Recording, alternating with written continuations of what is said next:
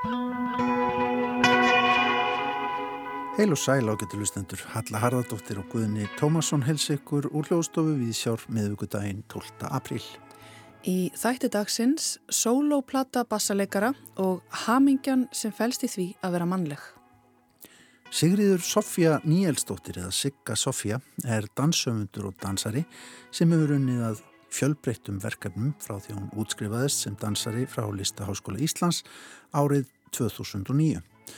Hún hefur komið víða við eins og sagt er oft auk þess sem að hún skapar dansverk hefur hún hannað og stýrt flugeldasýningum sem að síðar þróuðust út í blómarækt sem að síðar þróuðust yfir í drikkjaframleyslu og ylvat.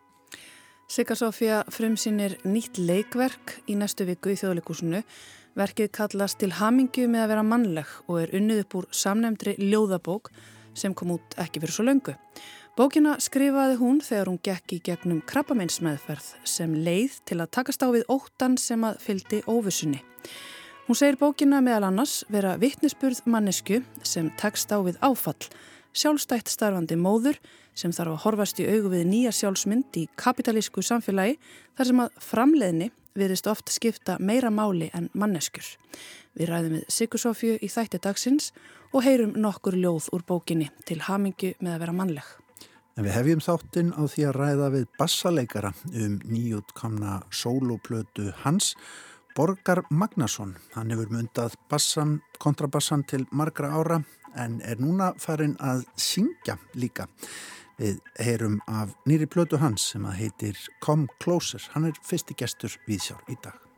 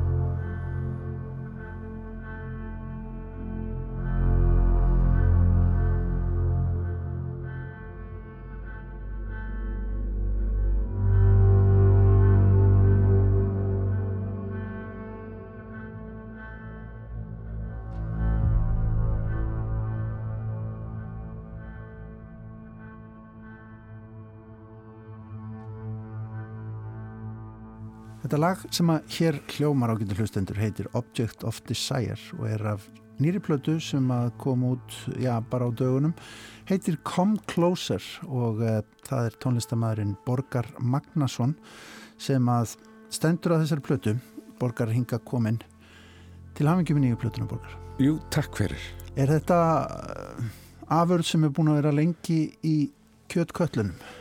Um, já, sko meiri hlutin af henni átt að koma út þarna í, í byrjun COVID. Átt að koma út en svo skellur COVID á og, og, og það verður svona ákveðin uh, forsendubrestur fyrir, fyrir plötuútgafu og, og hérna uh, eins og svo mörgu öðru. eins og svo mörgu öðru. En, en í okkar, okkar tilfelli að þá sem sagt var átti þetta að vera fyrsta platan að þremur hjá uh, Bresku Plutu fyrirtæki sem að ég var sænaður hjá Já. átti að koma út þarna 2020 en frestaðist síðan uh, út af þessu og hérna mér tókst á endanum að, eignast tökurnar sjálfur og, og, og uh, það hefði svona eitthvað annað meira efni bæst við þannig að svona í grunninn er þetta plata sem átti að koma út 2020 en, en tók einhverjum breytingum Já. og, hérna. Hvað getur þú sagt okkur um, um þessa plötu? Hvernig er hún hugsuð hjá þér? um, það kannski takast á svona tveir pólar í henni. Það er annars vegar hérna, náttúran og hins vegar borgarsamfélagið eða uh, eitthvað, eitthvað guðlegt sem er þá náttúran eða leita inn á við eða hvað það er. Um, og svo kemur þarna það eru tvö sagt uh, sungin lög sem að koma inn í sem eru mjög núrotísk og, og eru svona angist borgarlífsins. Og hérna og platan kannski held ein- einhvers konar hérna leit mín eða le- leit einhvers að leiðinni út úr, út úr hérna uh, svona núrotísku nútíma samfélagi og, og reyna að finna einhver, einhverja kyrð og frið og kærleika í lífið og ljós Erum við ekki öll og mikið að hugsa um þetta? Ertu upptekin að því að, að þú sért því vanti meiri tengsl við við stærri hluti við, við náttúruna og heiminin og, og, og jörðina í stærra samhengi? algjörlega, alveg bara upp á líf og döða sko. Já. Já. Og, og hérna mér skemmtilegt að, platan var til fyrir COVID í rauninu mestuleiti að því að, að, því að þryggjára einangrunavist hérna allar heimsbyðarinnar hefur, hefur svona þrýst okkur inn í að, leita inn á við og, Mm. og, og ég veit ekki hver við stöndum svo sem ég held að samfélagi sem við búum í er, er drifið áfram að mjög lágum kvötum og, og sem er að gera okkur öll brjáluð Hvað ertu þá að hugsa um? Ertu að hugsa um, þú veist Ertu að hugsa um lífsgæða kapplaup eða, eða bara svona innilokunar kend bara svona einstaklingsins í í hérna samfélagi manna? Eh, ég held að snúist kannski bara um tengsl Já. tengslaleysi tengslaleysi fólk sem að hérna, hú veist, við búum í samfélagi sem er rosalega drifið áfram af bara mjög lágum kvötum Já. það er svo mikið myrkur og það er svo mikið hérna uh, það er svo mikið kaos og þessi, þessi ofgnóta upplýsingum og, og hérna við erum náttúrulega bara öll að leita að hérna uh, tengingu við annað fólk Já.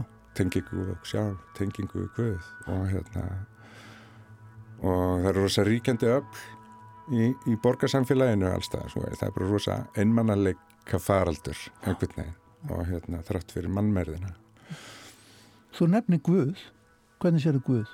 þessu samhengi? Já, já, ég held að ég var um þetta að hugsa það bara þegar ég var að, hérna, í morgungöngunum minna kominga uppi til að þá hérna, kom það til mín að, að platan í heilsinni er er uh, í rauninni sko svona, Dant, svona ferðarlega Dantes hérna, í Dantes Inferno og, og, og við sjáum Virgil í, í fyrsta í fyrsta trekkinu og, hérna, og svo getum við ímyndið okkur að, að Dantes er búin að finna Beatrice þannig að hann er búin að hlusta plötuna. Já, í lokin. Uh, ég veit ekki hvernig maður sér Guð uh, En hvað áttu við þú talar um hann eiginlega frekar? já, emmi Mm. það eru rosa stóra spurningar í veit þessum það. þætti uh, hérna þegar við tölum um Guð ég veit það ekki sko semst uh, vittneskan um Guð er eitthvað sem er innbyggt í okkur öll Mm. Ég hef aldrei hitt neitt sem að fór á starf og svo kom út og sagðist ekki skilja myndina því að hann trúði ekki á, á ljós og myrkur. Mm. veist við skiljum þetta öll. Þegar við fæðumst með hennar skilning. Já. en svo, svo afnittu við honum skiljum stöðugt, við erum alltaf í hlutverki Júdasar skiljum við Mm -hmm. afnittum Guðið oft á dag en, en ég, held að, ég held að svona grunn uh, já, grunn sko grunn tilfinningin fyrir góðu gegn íllu, þú veist, ljós gegn myrkri þú veist. Mm, harmoníu gegn kási þú veist, við skiljum þetta all mm -hmm. uh, svo er bara mismunandi hérna. Minn skilningur og guði sjálfur sér ólíkur bara frá einu degi til annars. Mm.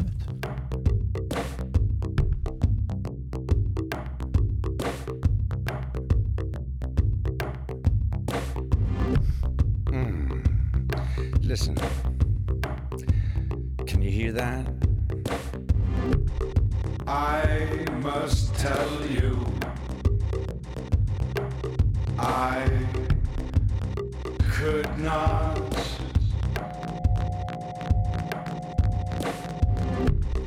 I must tell you You should not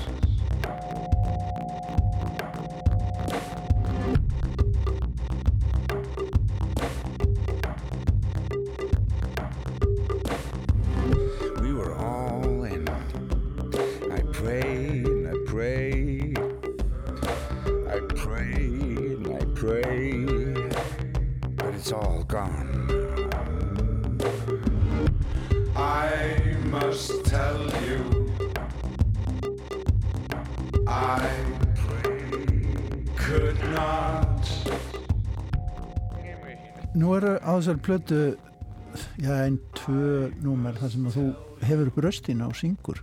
Hvernig, hérna, hvernig er svo áskorun? Þú hefur ekkert endilega verið alltaf að syngja mikið? Nei, al- aldrei sungið aður þannig að það var bara skemmtilegt að hérna og, og, en það kom í rauninni það kom mjög aðlilega það var í raunin bara hérna mm, þetta voru bara svona compositional hérna úrlösnarefni sem að, sem að hérna, já, það kom, þú veist, það var ekki ákverðin já, já, nú ætla ég að fara að syngja. Heldur, heldur uh, er ég bara að semja einhver, einhver verk sem er kallið á, á rödd. Og, og þar í rauninni ef að platan skiptist í annars vegar uh, einhver, einhverjar íhuganir og bænir sem snú inn á við og, og, og tengjast svona náttúrinni og löngunni til þess að að tengjast einhverju, einhverju ljósi aftur og þá eru sem sagt þessi tvö sungnunúmer um, það, er, það er svona hérna uh, þjettbílis ángistin Já. og, og, og baráttan við að hérna, uh, karakterin í þeim lögum er, er greinilega flæktur í alls konar sambönd við, við fólk með lágar kvatir og það er mikið myrkur og, og ringulreið sem hann langar rosalega mikið að losna út úr og, og kannski restina blötun er hans til, til þess að losna út í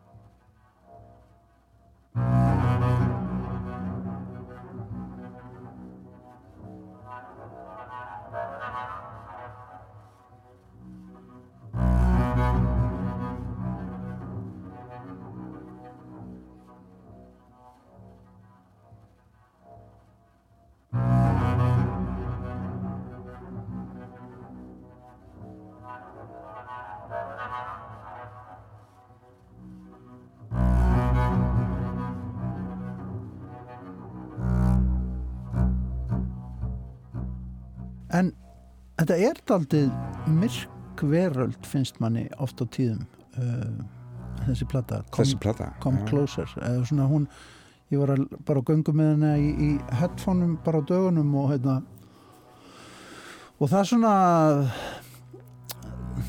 svona daldið þungu upplifun. Já. Já, gaman að heyra. Þú ert að sækjast eftir því. Nei, alls ekki, alls ekki. Mér finnst hérna og það var kannski líka það sem að, sem að hérna, ég fattaði allt í þessa tengingu við, við hérna, uh, Dante að, að hérna uh, mér finnst vera sko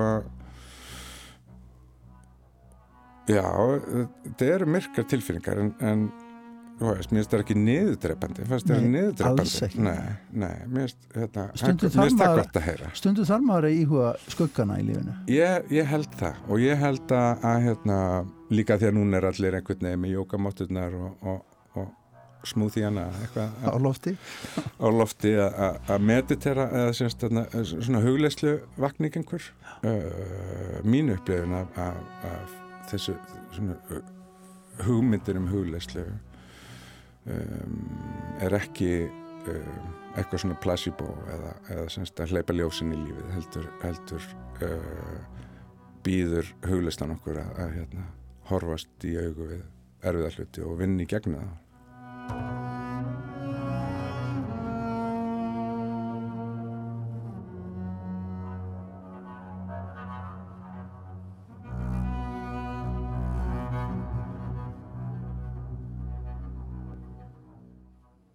En hvernig sérðu lagasmiðar þínar? Sko, sko hvernig til dæmis er í þeim frásögn, er í þeim kveikja sem að er úr daglega lífinu hvernig, hvernig er það? Um, mér finnst persónulega að, að það skili sér í þessum lögum hérna, bara hvernig tónlist hefur alltaf haft áhrif á mig alveg bara frá því ég var, var batna þá hefur alltaf verið sko, þessi sögu að þegar ég heyri tónlist þá heyri ég alltaf sögur. Það er alveg sama hvað það er. Það er rosalega mikil sagnalist í allir tónlist sem ég heyri hún sé instrumental og, og hérna, bæði þeirri hlust og verk eftir aðra.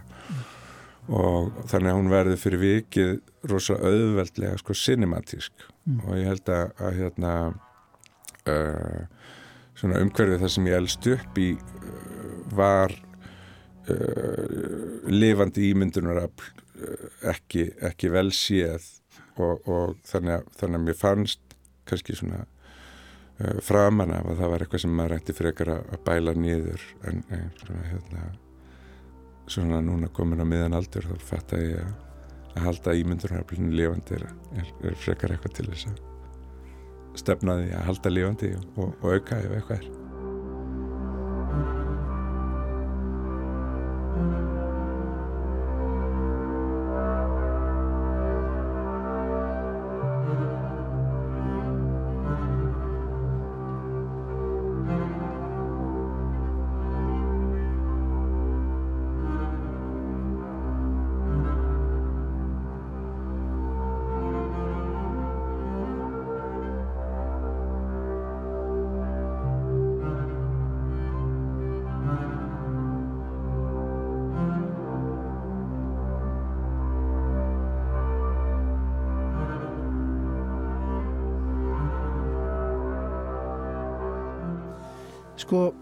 Borgan, þitt aðal hljóðfæri er kontrabassinn og hefur verið í gegnum tíðina. Lýstu sambandiðinu við kontrabassan? Hvernig, hvernig, hvernig er svona hérna, eh, að hafa þetta stóra hljóðfæri í sínu lífi veginn og burðast með það og, og reyna að vinna með það á, á nýjan og kreatívan og spennandi hátt? uh, mm, ég hef alltaf verið emitt bara uh, hljóðheimur kontrabassins er, hefur náttúrulega bara svona ein, einhvern veginn verið svolítið æfistarfið og hérna það, það eru resonansar í því sem, a, sem að hafa alltaf heilla mig Mm. sem að hérna mm, að því ég kem úr svona klassískum bakgrunni að þá uh, keirði semst mitt nám og karjör framan af byggði alltaf á, á uh, svona klassískri nálgun þar sem að nálgast kontrabassan eins og uh, uh, selló eða fiðlur. Uh og það, það, vor, það eru bara hérna, það eru hljóð í kontrabassanu sem að stangast algjörlega á við það. Þetta er ekki, þetta er ekki sama tegunda hljóðfæri eins og, eins og hinn, restina strengi hljóðfærinu um, og síðan var það bara svona leittist ég út í, eða sem sagt svona, svona setna, setna meir eftir, eftir einhvern svona klassískan karriér þá, þá langaði mig að fara og rannsaka þau hljóð -huh. uh, meira, þú veist, bara að þau svona sótt á mig Mhm. að að gera eitthvað við þau sem er svona út fyrir það sem er spilað í, í klassikum symfónium að hérna, strúka og plokka bara heldur, heldur einhvern veginn að leiða annað og meira út úr, úr hljóðverðinu Já, já en, en, en það kemur allt upp úr bara ásta á hljóðfærinu að hérna, ég myndi alltaf segja um ég myndi segja að svona fyrir mig er, er að koma heim er, er að sitja með kontrabassan hérna, mér er alltaf þótt að vera lán mitt í lífinu að eiga heimili mm. og hérna allir sem að það er ekki það sem við kallum nörda sem að hérna, mm. Sem að eiga sér eitthvað eitt. Og, og hérna og ég held að maður þurfi það er mín trú að, að við þurfum eitthvað eitt sem er okkar aðal til þess að hérna, skilja heiminn út út frá því. Ég held að bara þegar heiminn er hrinur að því hann hrinur hjá okkur öllum á okkur tímpunkti að þá þarf þetta að hafa einhvern fastan punkt sem er þenn. Og að það er alveg, sama hvort að það er skilir uh, að spila kontrabassa eða, eða lífefnafræði eða hvað það er mm.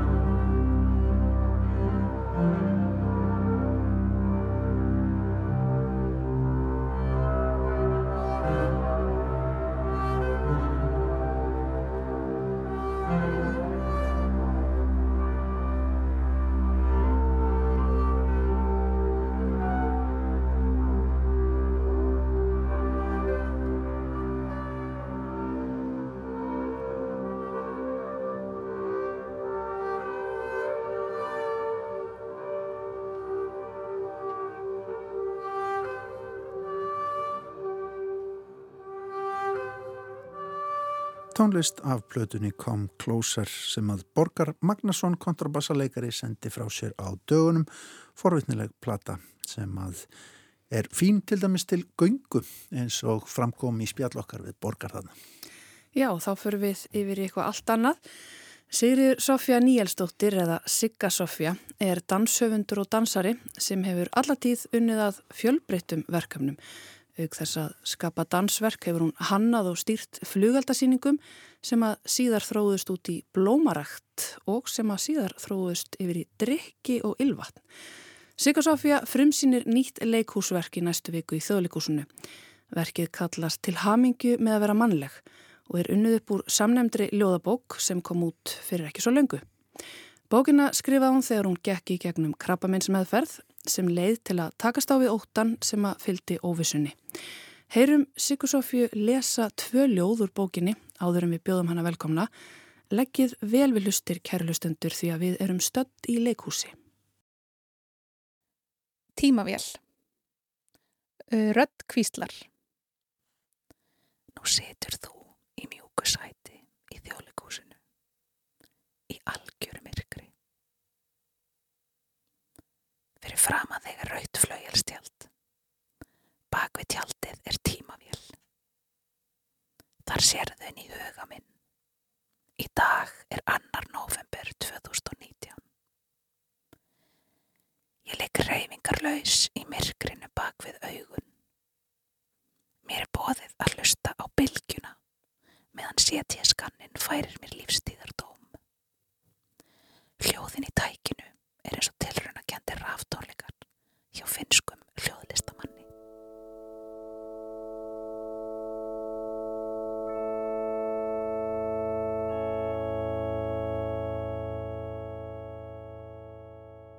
Út um klukkan. Ég elska að horfa ungt fólk hlæja. Það er svo hafmyggisamt og spennt fyrir framtíðinni. Með tiggjó í 966 gráð norðurúlpunni sem einhver annar borgaði fyrir. Ég saknaði svo einlegt að vera ung og vittlaus. Ég hlakka svo til ársins 2027 þegar ég verð stífum máluð með ylvatn og einu áhyggjurnar mínar verða hókvuð ég á ekkert til þess að fara í. Sæl og blessu Sigga Sofja og verður velkomin í Vísjá. Takk fyrir. Sko, mér langaði bara alltaf að byrja hérna á upphafs orðunum. Það er ekki læknar eða spítalar sem þú hræðist, það er óvinsan sem hræðir þig og það er mannlegt að óttast þið ókunna, svo til hamingju með að vera mannleg. Og uh, þetta segir læknir við þig á krabbmeinstild í november 2020. Yes. Byrjum að þess aðna, hvað ertu stötti lífinu þegar þessar hræðilegu fréttir skella á þér? Ég var e, bara í MBA-námi e, með 14 mannað bann og var bara í rosa góðum fíling að e, reyna að gera allskynns spennandi sem listamæður. Ég er sjálfstætt starfandi og var með fullt af verkefnum sem ég var að koma áfram.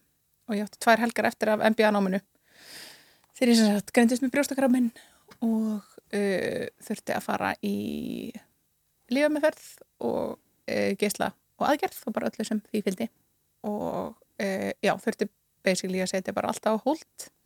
Mjög glöð að vera komin hérna hinn meginn og vera bara hér í gleðinni. Er komin í frumsýningatörn og er bara búin að ljúka endurhæfingu svona eigilega og hérna er að vinna fulla vinnu þetta 200% vinnu núna aftur og er að gera síningu þjóðleikusinu og Já, þú ert alveg komið þangað, svona típiskur íslensku listamæður með sjöbólta lofti bara. Já, okay. en ég hins vegar sko náttúrulega lág kjörri í tvö ára og hugsaði. Ég hef Mhm. aldrei verið kjörri að blengi í lífinu og hérna, þannig ég undibjó rosa, ég nýtti, nýtti tíman minn og hérna, samdi allskinn stótt. Dúlaði mér í haustnum á mér. Hvenær tókstu pennan og byrjaði að skrifa um þessa reynslu? E, það var bara strax eiginlega og ég greindist eiginlega í því ég bara vissi ekkert hvernig ég átti að e, haga mér í þessu. Og ég var alltaf að skrifa, ég hef alltaf skrifað mjög mikið. Er eiginlega búin að vera skúfuskáld síðan ég var 12 ára. Og bara svo einhvern veginn, maður skilur sjálfa sig betur ef maður skrifar það niður og greinir veist, af hverju er ég hrætt núna. Og svo greinir maður það bara ok, ég er hrætt út af þessum átta atriðum og þá svona, já ok, ég skil betur þennan, já, þannig að og svo einhvern veginn var það bara þannig að hérna, því ég er dansari og hreyfingin var tekin af mér, orkan að þá hérna, er ég náttúrulega bara með gríðarlega kreatífan haus og einhver staðar var því að fá útrás þannig að þá var það bara pennin og það var rosa hérna, næs ég las líka mikið af ljóðum. Hérna, Bukowski var minn besti maður í veikindum mínum sérstaklega bókin hérna What matters most is how well you walk through the fire Já. og þar talaði hann bara inn í hjarta mitt sko. það er eitthvað við að geta lesið sko, hvað öðrum líður ömurlega og maður finnur samhljóm í því að þá er maður bara eitthvað, já ég get líka verið hérna og liðið ömurlega já, misery likes company eitthvað einn svona. Þetta er náttúrulega kannski líka það sem að listin er alltaf að gefa okkur, mannleg reynsla og að tengja við, Já. skilja það sko tilfinningar og upplifanir við eigum það sammeðilegar. Já. Emitt. En það sem er svo mikilvægt að koma fram að því að það fara allir að spurja beint um akkurat þetta og bara, bara það að þessi talað um krabba minn, það lætur fólk bara svona taka viðbræð og bara guð mig góður, ég meik ekki að hlusta á þetta, ég meik ekki að lesa þetta og ég vil ekki sjá þessa síningu. Þessi síning fjallar ekkert um þetta. Þessi síning fjallar og bókin í raun og veru líka fjallar miklu meira um sko svona þegar þú sko missir sjálfsmyndina þína eða þegar þú þarfst að endur skilgreina sjálfa þig þegar þú missir einhvern veginn það sem þú hefur alltaf skilgreint þig sjálfa með og þarft einhvern veginn að endur uppgötu allt. Og hvort þú einmitt bara pakkar saman og gefst upp eða hvort þú ferð í þetta gríðarlega stóra púsluspil slass byggja spilaborg í að reyna að reysa eitthvað upp frá grunni. Emitt og með líka með koma svo vel fram í þessari bók sko, já þú ert líka alltaf að spegla því fólkinni í kringu þig og það er þetta sem skiptir líka máli að, Mhm.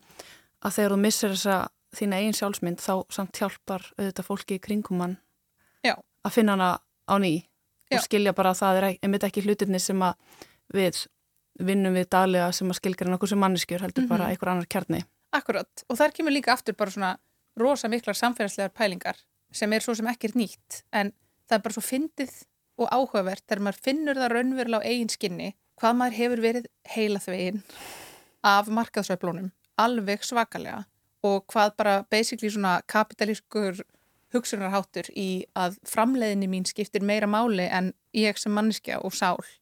Það er óslægt skrítið að finna fyrir því raunverulega. Ekki sem svona, ó já, ég veit, æ, þú veist, Mm -hmm. maður heyrir alltaf hérna, ó nei, þetta er nú svo slæmt og samfélagsmeir er svo slæmir. En þegar þú finnur í alvörinu bara, ég held að ég sé ekki þarna og fatta svo, nei, vá, mér finnst ég raunverulega aðeins minna virði ef ég kemst ekki splitt að því ég er dansari og ég skilgreinu mig út frá getu minni og svo sem ég sagt þetta í gríni við aðra dansara og það er bara, ég myndi nú aldrei segja þetta upp á þenn, hvað hva ég tengi. Ég bara, ef ég kemst ekki spíka, þú veist, það er bara svona þetta er eitthvað sem þú ert búin að þjálfa þig upp í þú veist, það virkar, þú veist, algjörst grín. Mm -hmm. og svo bara er þetta ekki grín. Þú veist, hver er ég ef ég er ekki afbyrðamanneskjan og ég held að óslega margir til dæmis bara, þú veist, afreiks íþróttafólk eða, þú veist, bara fólk sem nær langt í sínu fæi, sérstaklega líkamlega sem er nákvæmlega eins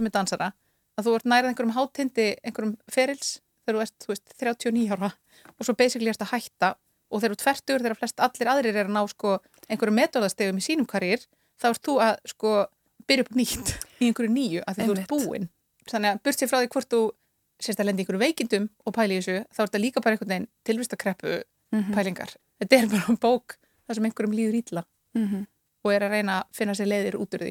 Einmitt. Það lítur auðvitað að vera alveg ekstra skrítið að vera einmitt að sko, byggja sína sjálfsmynd og, og bara afkomu og allt á sínum eigin líkama Mm. og missa svo það algjörlega. Og líka bara með, sem sjálft að starfandi, sko, þú veist, ef ég vinn ekki vinnuna mína, þá er ég ekki með neitt fyrirtæki, þú veist, ég er markasteildin og fjármáladeildin og Mm þannig að þú veist, allt sem ég gerir sem frílans er náttúrulega bara fellur.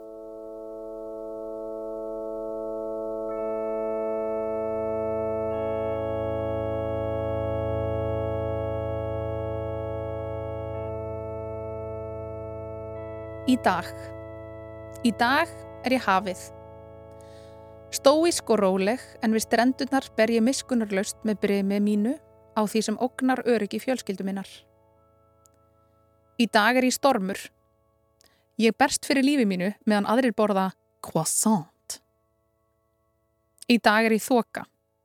Hræðslan blindar skilningavit mín í þrúandi þögn. Í dag er ég þrumuveður. Eldingar ganga um taugakerfi mitt. Í dag er ég breytileg átt. Ég er glöð og betur samtímis. Ég fagn ekki lengur frumsýningum heldur hvítum blóðkornum. Í dag kom fyrsta stormviðvörun af átta. Nú er að duga það drepast. Rauði djöfullin, segðum mér hans frá honum sem er svona rauður þráður í gegnum þessum bók. Já, eða rauði draumurinn sko. Að það er hérna bara, ég held að það sé erfitt sko fyrir þá sem hafa ekki farið í gegnum lifið meðferð. Maður gerir sér enga grein fyrir því hérna e, hvernig þetta er. En eins og í mínu tilfelli að þá sko var ég aldrei veik held fyrir en ég fór að taka lifin. Þannig að þú veist, tókstreitan er sko, maður fer gríðarlegar aukaverkanar af lifjónum. En lifin eru það sem eru að bjarga þér. Og það er rosa erfitt fyrir hugan að því að eðlið er svo stert og eðlið segir bara ég veit að þetta lif er að fara mjög illa með mig. Þannig að maður fær svona eða ég stið og ég get ekki tala fyrir neitt hann sjálf á mig. Ég uppliði bara svona trillingslegan óta við að þurfa að gera þetta aftur. Og vita samt að eina leiðin út er að gera þetta aftur og aftur og aftur. Hvernig þú mótiverar þig í að gera eitthvað sem þú vilt alls ekki gera en á sama tíma ertu rosalega þakkláttur fyrir það að þetta er það sem er að bjarga lífið þannig þetta er alveg bara svona Já, ég hef stundum sko uh, sett þetta í samengi við sko fæðingar. Eða þegar konur eignast börn, þú veist, sömur eiga frábæra fæðingu, aðrir eiga ekki frábæra fæðingu.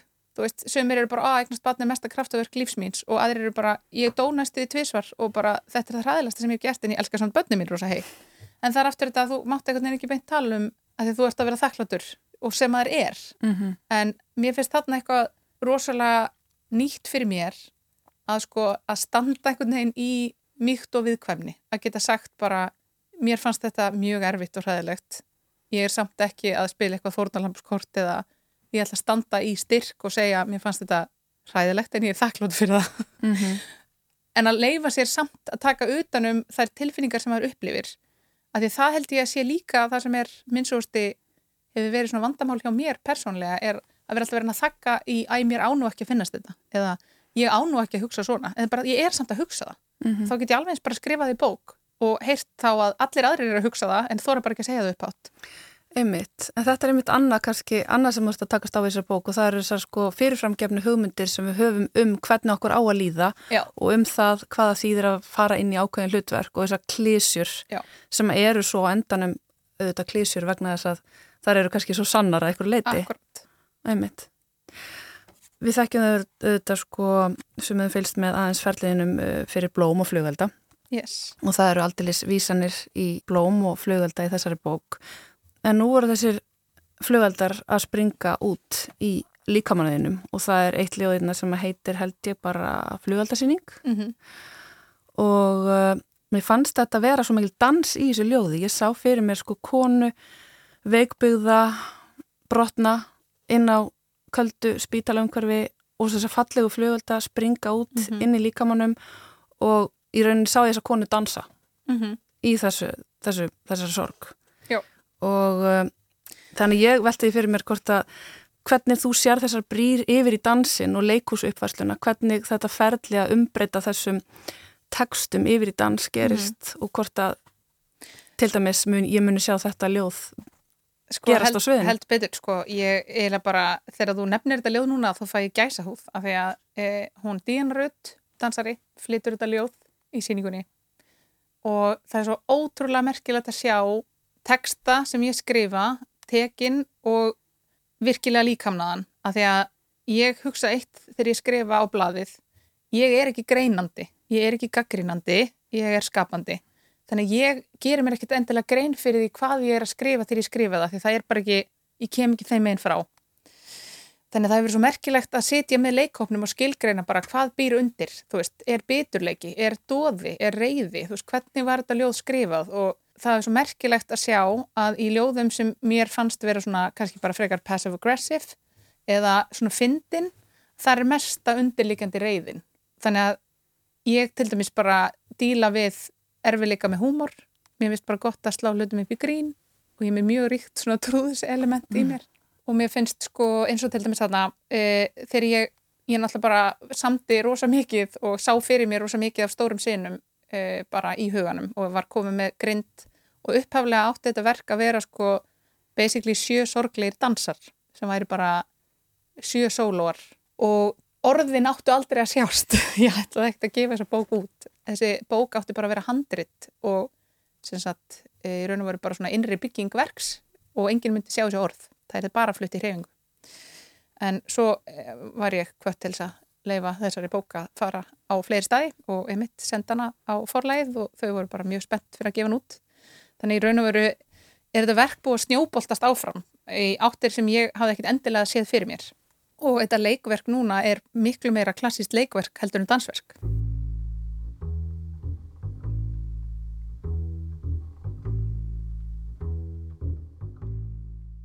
Orðin eru svo mynd, eða þú veist, ljóðin eru svo myndræn og ef ég horfi á þetta bara sem leikstjórin ekki sem sá sem skrifa þetta þá finnst þetta mér rosalega auðvelt að semja dans út frá þessu af því að þetta eru svo sterkar myndir sem er teiknaður upp. Og það er rosa mikil hreyfing og það er rosa mikil rithmi. Mm -hmm. og svo náttúrulega fylgir það líka, ég er náttúrulega mikil hérna, ljóða aðdáðandi og ég gerði verk hérna í, þjólkus, í þjólkusinu hérna fyrir 2015 sem var byggt á ljóðum Davíð Stefáns og þá náttúrulega eitt ég hálfu ári í sko að greina allar grindur, veist, ég taldi út atkvæði í hverjum einustu ég vilti svo mikið skoða sko innri grindverkana því ég var að semja dans á taktin. Þannig að þú veist, ég er búin að stúdira hrinnjanda rosa mikið. Og svo líka náttúrulega bara sem dansari þá náttúrulega pæli ég rosa mikið í hrinnjanda þannig að það var mjög oft þegar ég var líka að vinna með reittstjóra þá er bara nei, hérna, ef þú voru gerða eitthvað breytinga þá er bara nei, heyrur ekki hvað hrinnjandin með ákannar hugmyndir um takt líka í Einmitt. Þannig að sjö sóladansar umbreytust yfir í frekar svona höfbundi leikús Já. eða svona myndir sem eru settar á svið með mm. leikonum og dansurum. Já. Og sko vörpun Dóttumagíjar, sérst, ég er að vinna með Dóttumagi í fyrsta sinn og það var svo merkilegt samstarf eiginlega því að ég var búin að sjá fyrir mér svo mikið af hlutum í þessari hérna, uppsetningu og er síðan bara að rölda eitthvað nýri bæ og fer nýri hafnarhús og þá er semst innsetning eftir hana. Og ég stend bara í innsetningunni í hálftíma og er bara, þetta er svo nálagt því sem ég var að ímynda mér í að það er svona ákveðið svona hugar ástand sem að fer í í svona hálgerðri þjáningu, þú veist, þegar sem maður er bara svona að reyna að þrauka. Og ég hlustaði rosa mikið á svona tónlist sem var rosa svona repetitive en var með svona einhver áferð sem var einhvern veginn smá drífandi með von en samt ekki ofdrífandi ég þóldi enga bassa, þú veist, það var svona það var útrúlega skrítið, mér varst aðlega byggja svona áhugaverð stúdíu og bara hvað vil ég gera í þessu ástandi? En það var eiginlega svona byrjunapunkturinn á þessu verki af hverju vil ég hlusta á þessu tónlist? Af hverju er ég að sækja þetta? Hvað er það við þetta sem læti mér líða vel? Af hverju er þetta sefandi? Og eitthvað svona. Og þessi vörpun hennar var bara algjörlega geggjuð. Þannig að ég alveg bara ringdi bara kallt í bara halló Dóta Maggi, ég heiti Sigur Sofja mér langar að vinna með þér. Að og við þekktumst ekki neitt og það er búið að vera ótrúlega skemmtilegt því að hennar sko visual heimur passar svo ótrúlega vel inn í þetta og það eru svona episk fantasy moment þar sem þú ert bara inn í huga einhvers þar sem hún er búin að gera geggjaða myndlist. Þetta er mjög mikið, sko þegar ég segja hefbundi leikverð þetta er mjög mikið bræðingur og þetta er rosa mikið dansverk að því sögðu eða þú veist á þann hátt að veist, það er ekki línulega framvita beint. Við erum jú að fara í gegnum bókina en þú veist þetta er svona rosa device, þú veist, það er sungin sinna og það er leikin sinna og þú veist, það eru allir að leika sömu manneskina og svo stundum ertu eitthvað annað hlutverk og þú veist, við erum basically bara farvegur fyrir hvað þessi ljóð þurfa og allir eru bara geggjað onitt í hvað þarf þetta ljóð og þetta er búið að vera svo skemmtilegt og fyndið að því það er líka svo mikilvægt að sjá húmórin í erfiðum aðstæðum og þú veist, lífið, það stoppar ekkert. Þú veist, þú ert bara í erfiðasta tíma lífstins og það er mitt einn sena sem við sko bylurst og hlátri alltaf því það er bara eitthvað kona sem bara svona gjörsamlega buguð og bara liggur honi í einhverju, einhverjum haug af fötum í þvóttásinu og þá er eitthvað bling póstur frá skólanum. Höstbúðin ljúfi, njálgur komin í skólan og maður er bara auðvitað er ég hérna sköllótt í miðri livjameðferð að fara að díla með einhvern fokking njálg þú veist og þú veist og þá er þetta verið svo langt að maður bara, einmitt, byrja bara að hlæja í bara já já, auðvitað Þetta er bara ofruglað. Já, eða veist, þetta er bara svona, lífið er svo fyndið, það er bara mhm. eitthvað, það er bara riðst áfram mm -hmm. og hvort sem þú vilt taka þátt í það ekki, þá riðst það áfram. Mm -hmm. Þú getur setið fyrir utan það og hort inn, þú getur líka verið í strömmnum og bara verið að synda á móti og svo getur líka bara observað og það er líka svo áhugavert að hafa fengið tækifæri á með leiðsin eins og ég hefði hoppað upp úr strömmharðri á og sá allt í henni bara, vildi ég eins og vera að synda í þess átt? Vil ég, þú veist, maður fær svo mikil hraði á öllu, sérstaklega þegar maður er á mínum aldrei með lítið börn og mm -hmm. maður er bara einhvern veginn að reyna að ná að sofa á nætuna, veist, það er bara geggjað Það er auðvitað margt sem alls konar fólk getur tengt við þessari bók samað hvað þú hafa upplifað þessar þjáningar eða ekki Ég er bara að vona að það sé ekki sko ymitt að mm -hmm. fólk hérna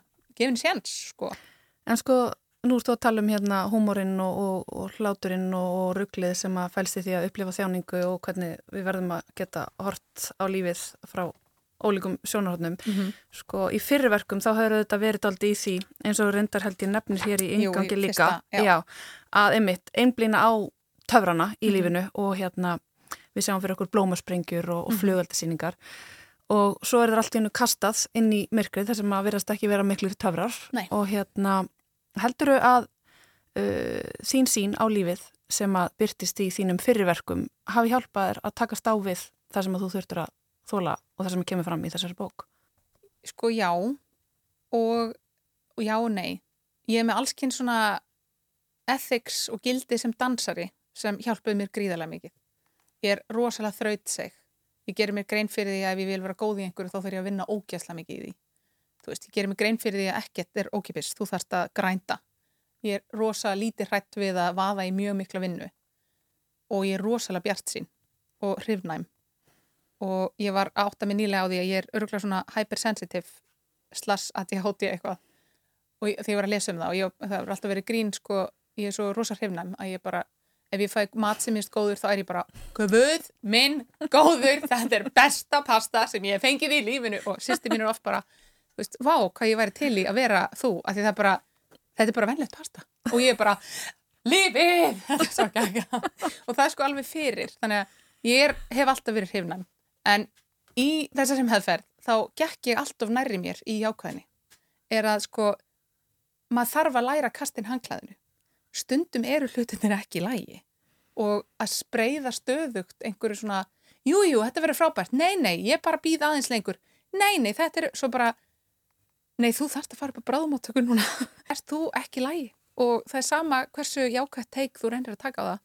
Veist, það var líka einhvern veginn já, veist, þetta er pínu miklu eða já, Getur það- líka að koma hann í koll. Já, eða þú veist, samt ekki því að auðvitað er það brjálaðslega mikilvægt element að halda í en, en að gera sér grein fyrir því sko hvenar maður er í raun og veru í sko kvatvísi slash over-optimistic og að geta verið rundsær. Mm Þannig að kannski bara ég fekk miklu meiri jörð núna sem Mhm. ég held að mig hafa alveg vantað. -hmm. Þannig að, og ég var í MBA námi hérna sem er náttúrulega intensíft stjórnendanám sem ég læriði gríðarlega mikið á og fór beint úr því yfir í mestu sjálfskoðun lífsmýns í þessum veikindum. Þannig að mér finnst mjög áhugavert sko, ég hef svo rosalega mikið af tækjum og tólum til þess að verða alveg frábært típa. en svo er ég aftur bara mannleg, eins og allir. Og það finnst mér eitthvað svo stórkostlegt dæmi. Það er sama hvað ég læri mikið. Það er sama hversu mörg tækja og tól ég hef. Ef ég leifi bara tilfinningunum að stjórna mér, þá er ég bara jafn dysfunctional frá byrjun til enda. Þá skiptir einhver máli, skilur þú veist, þetta er svo mikil þjálfun, þetta er svo mikil aga, þetta er svo mikil agaleikur. Þetta er bara eins og að vera í klassískum ballett. Það er bara, ef þú æfir þig ekki í tækninni, þá fer hún. Ef þú æfir þig ekki að vera góð manneskja, þá ert ekki góð manneskja. Ef þú æfir þig ekki þakklæti, þá er ekki þakklæti. Ef þú ert ekki, þú veist, ef þú leifir þér bara svona slæta, en það er mér svo stið mínu upplöfun, ég get ekki tala fyrir neitt annað en sjálf á mig, en ég finn það bara, ég, ég náði rosa svona mikilli ró og gríðarlegu þakklæti, þarna sérstaklega þarna skömmu eftir þessi veikindi, þegar svona, þegar ég sá fram á að þetta væri alltaf ganga vel og byrjaði að reyna að treysta því að e, hlutinir getur gengið vel. Mhm. og þá er bara svo áhugavert að finna bara hvað er það sem ég vil gera? Bara hvað finnst mér mikilvægt? Mörgum finnst allskins hlutir mikilvægir en hvað er það bara sem mér finnst skipta mestumáli og mér finnst að vera hlátuskasti skipta brjálæðslega miklu máli. Mér finnst að faðma og knúsa börnin mín skipta geðvikumáli mér finnst að elda mat á mánudegi og hitta vini og þú veist hlæja vera rosa mikilvægt syndi sjónum allsber skilur, þú veist það er bara hlutinni sem ég elska kost ekki neitt. Og samfélagið sem við erum í er alltaf verið að selja okkur eitthvað. Og það stöðar mig sérstaklega mikið núna. En sko þessi lærdómur það er auðvitað gömul saga og ný ævaforn saga að fólk kemur oft upp úr þjáningum sem nýjar manneskjur mm. og þú ert hérna að tala um að fókusa á hverstastlegu hlutina og gleðina sem bara fælti því að vera manneskja og leiða börni sín og búa til pasta á mánudegi. Mm -hmm. Er, eh, er þetta tilfinningin sem við munum ganga út úr leikusunum með eða hver viltu Já. ná fram með þessu verki? Já, alveg definitely það, einmitt, það er svona, byrjar einmitt bara eins og ljóðbókin svona, dæl, de, hérna, dembir sér honi er, erfiðari ljóðin fyrir hlýja og svo byrjar að byrsta til eftir hlýja og eftir hlýja er þetta einmitt bara sérstaklega loka sennan er bara algjör gleði sprengja og bara svo fallegir visjólar og ég held að fólk mjög alveg definitely fara út, með hlýtt í hjartanu. Af því að veist, tilgangurinn með síningunni er veist, við erum í raun og veru frekar að reyna að halda okkur frádramanu í síningunni heldur en hitt. Við erum frekar að reyna að setja upp spauðilegu hliðarnar eða veist, sína þar hægt að tala um erfiða hluti en samt á, Mm -hmm. kannski ekki gaman samanhátt en bara svona sjá samt húmórin í mitt. þannig að og svo er þetta mitt bara svona mjög stórar sterkar myndir og oft er tónlistin bara að segja ljóðið. E, stundum er ekki texti heldur bara vörpun stundum er bara dans. Þannig að þú veist þetta eru bara stór hughrif fyrir mig sem listamann í sko mér finnst þetta verk vera rosa sko áskorun fyrir mig persónlega í sko að ég hef ekkert að sanna. Maður er náttúrulega alltaf að reyna að sanna sig. Maður er alltaf að reyna að vera betri og þú veist, gera frábæra hluti. En núna er ég bara, núna finn, finn ég svo stert fyrir því og þetta er kannski klísilkjönt, en bara ég er farvegur fyrir eitthvað verk. Og það sem mig langar að gera skiptir kannski ekkert öllu máli en verk, það sem verkið þarf skiptir máli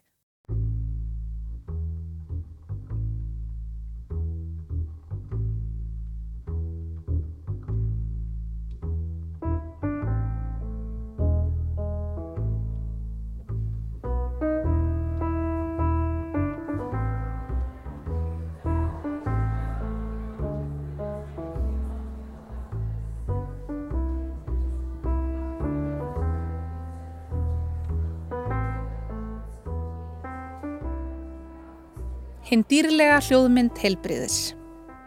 Ég heyri í leðrinu í konjaksbrúna sófanum þegar ég sest. Ég heyri klökunum í kalda driknum mínum. Ég heyri fætuna strjúkast við teppi borgarleikusins. Ég heyri djastónlist. Ég heyri hlæjandi börnum í sparifötunum, hlaupa skólaus í frumsýningapartíi. Ég heyri glös klingja, kliðin í frumsýningagestum, hlátuskast. Einhver hlappar hratt fram hjá mér, í pinnahælum. Í kjölfarið einhver sem dregur hælana í þungum skóm. Sittur ég það einu, vill ekki koma að setjast hjá okkur? Kossa á vanga, ilmur af dásamlegu ylvatni. Nei takk, ég vil bara sitja í þögn og taka inn heiminn aftur. Núna skil ég þá sem setja á metaltónlist og leggja sig við hátalaran. Þá sem vilja lappa um í kringlunni og kvíla sig á bekk í kliðnum. Þá sem ókýrast við að setja í þögn með eigin hugsunum. Og þá sem setja bara með slakar axlir og hlusta.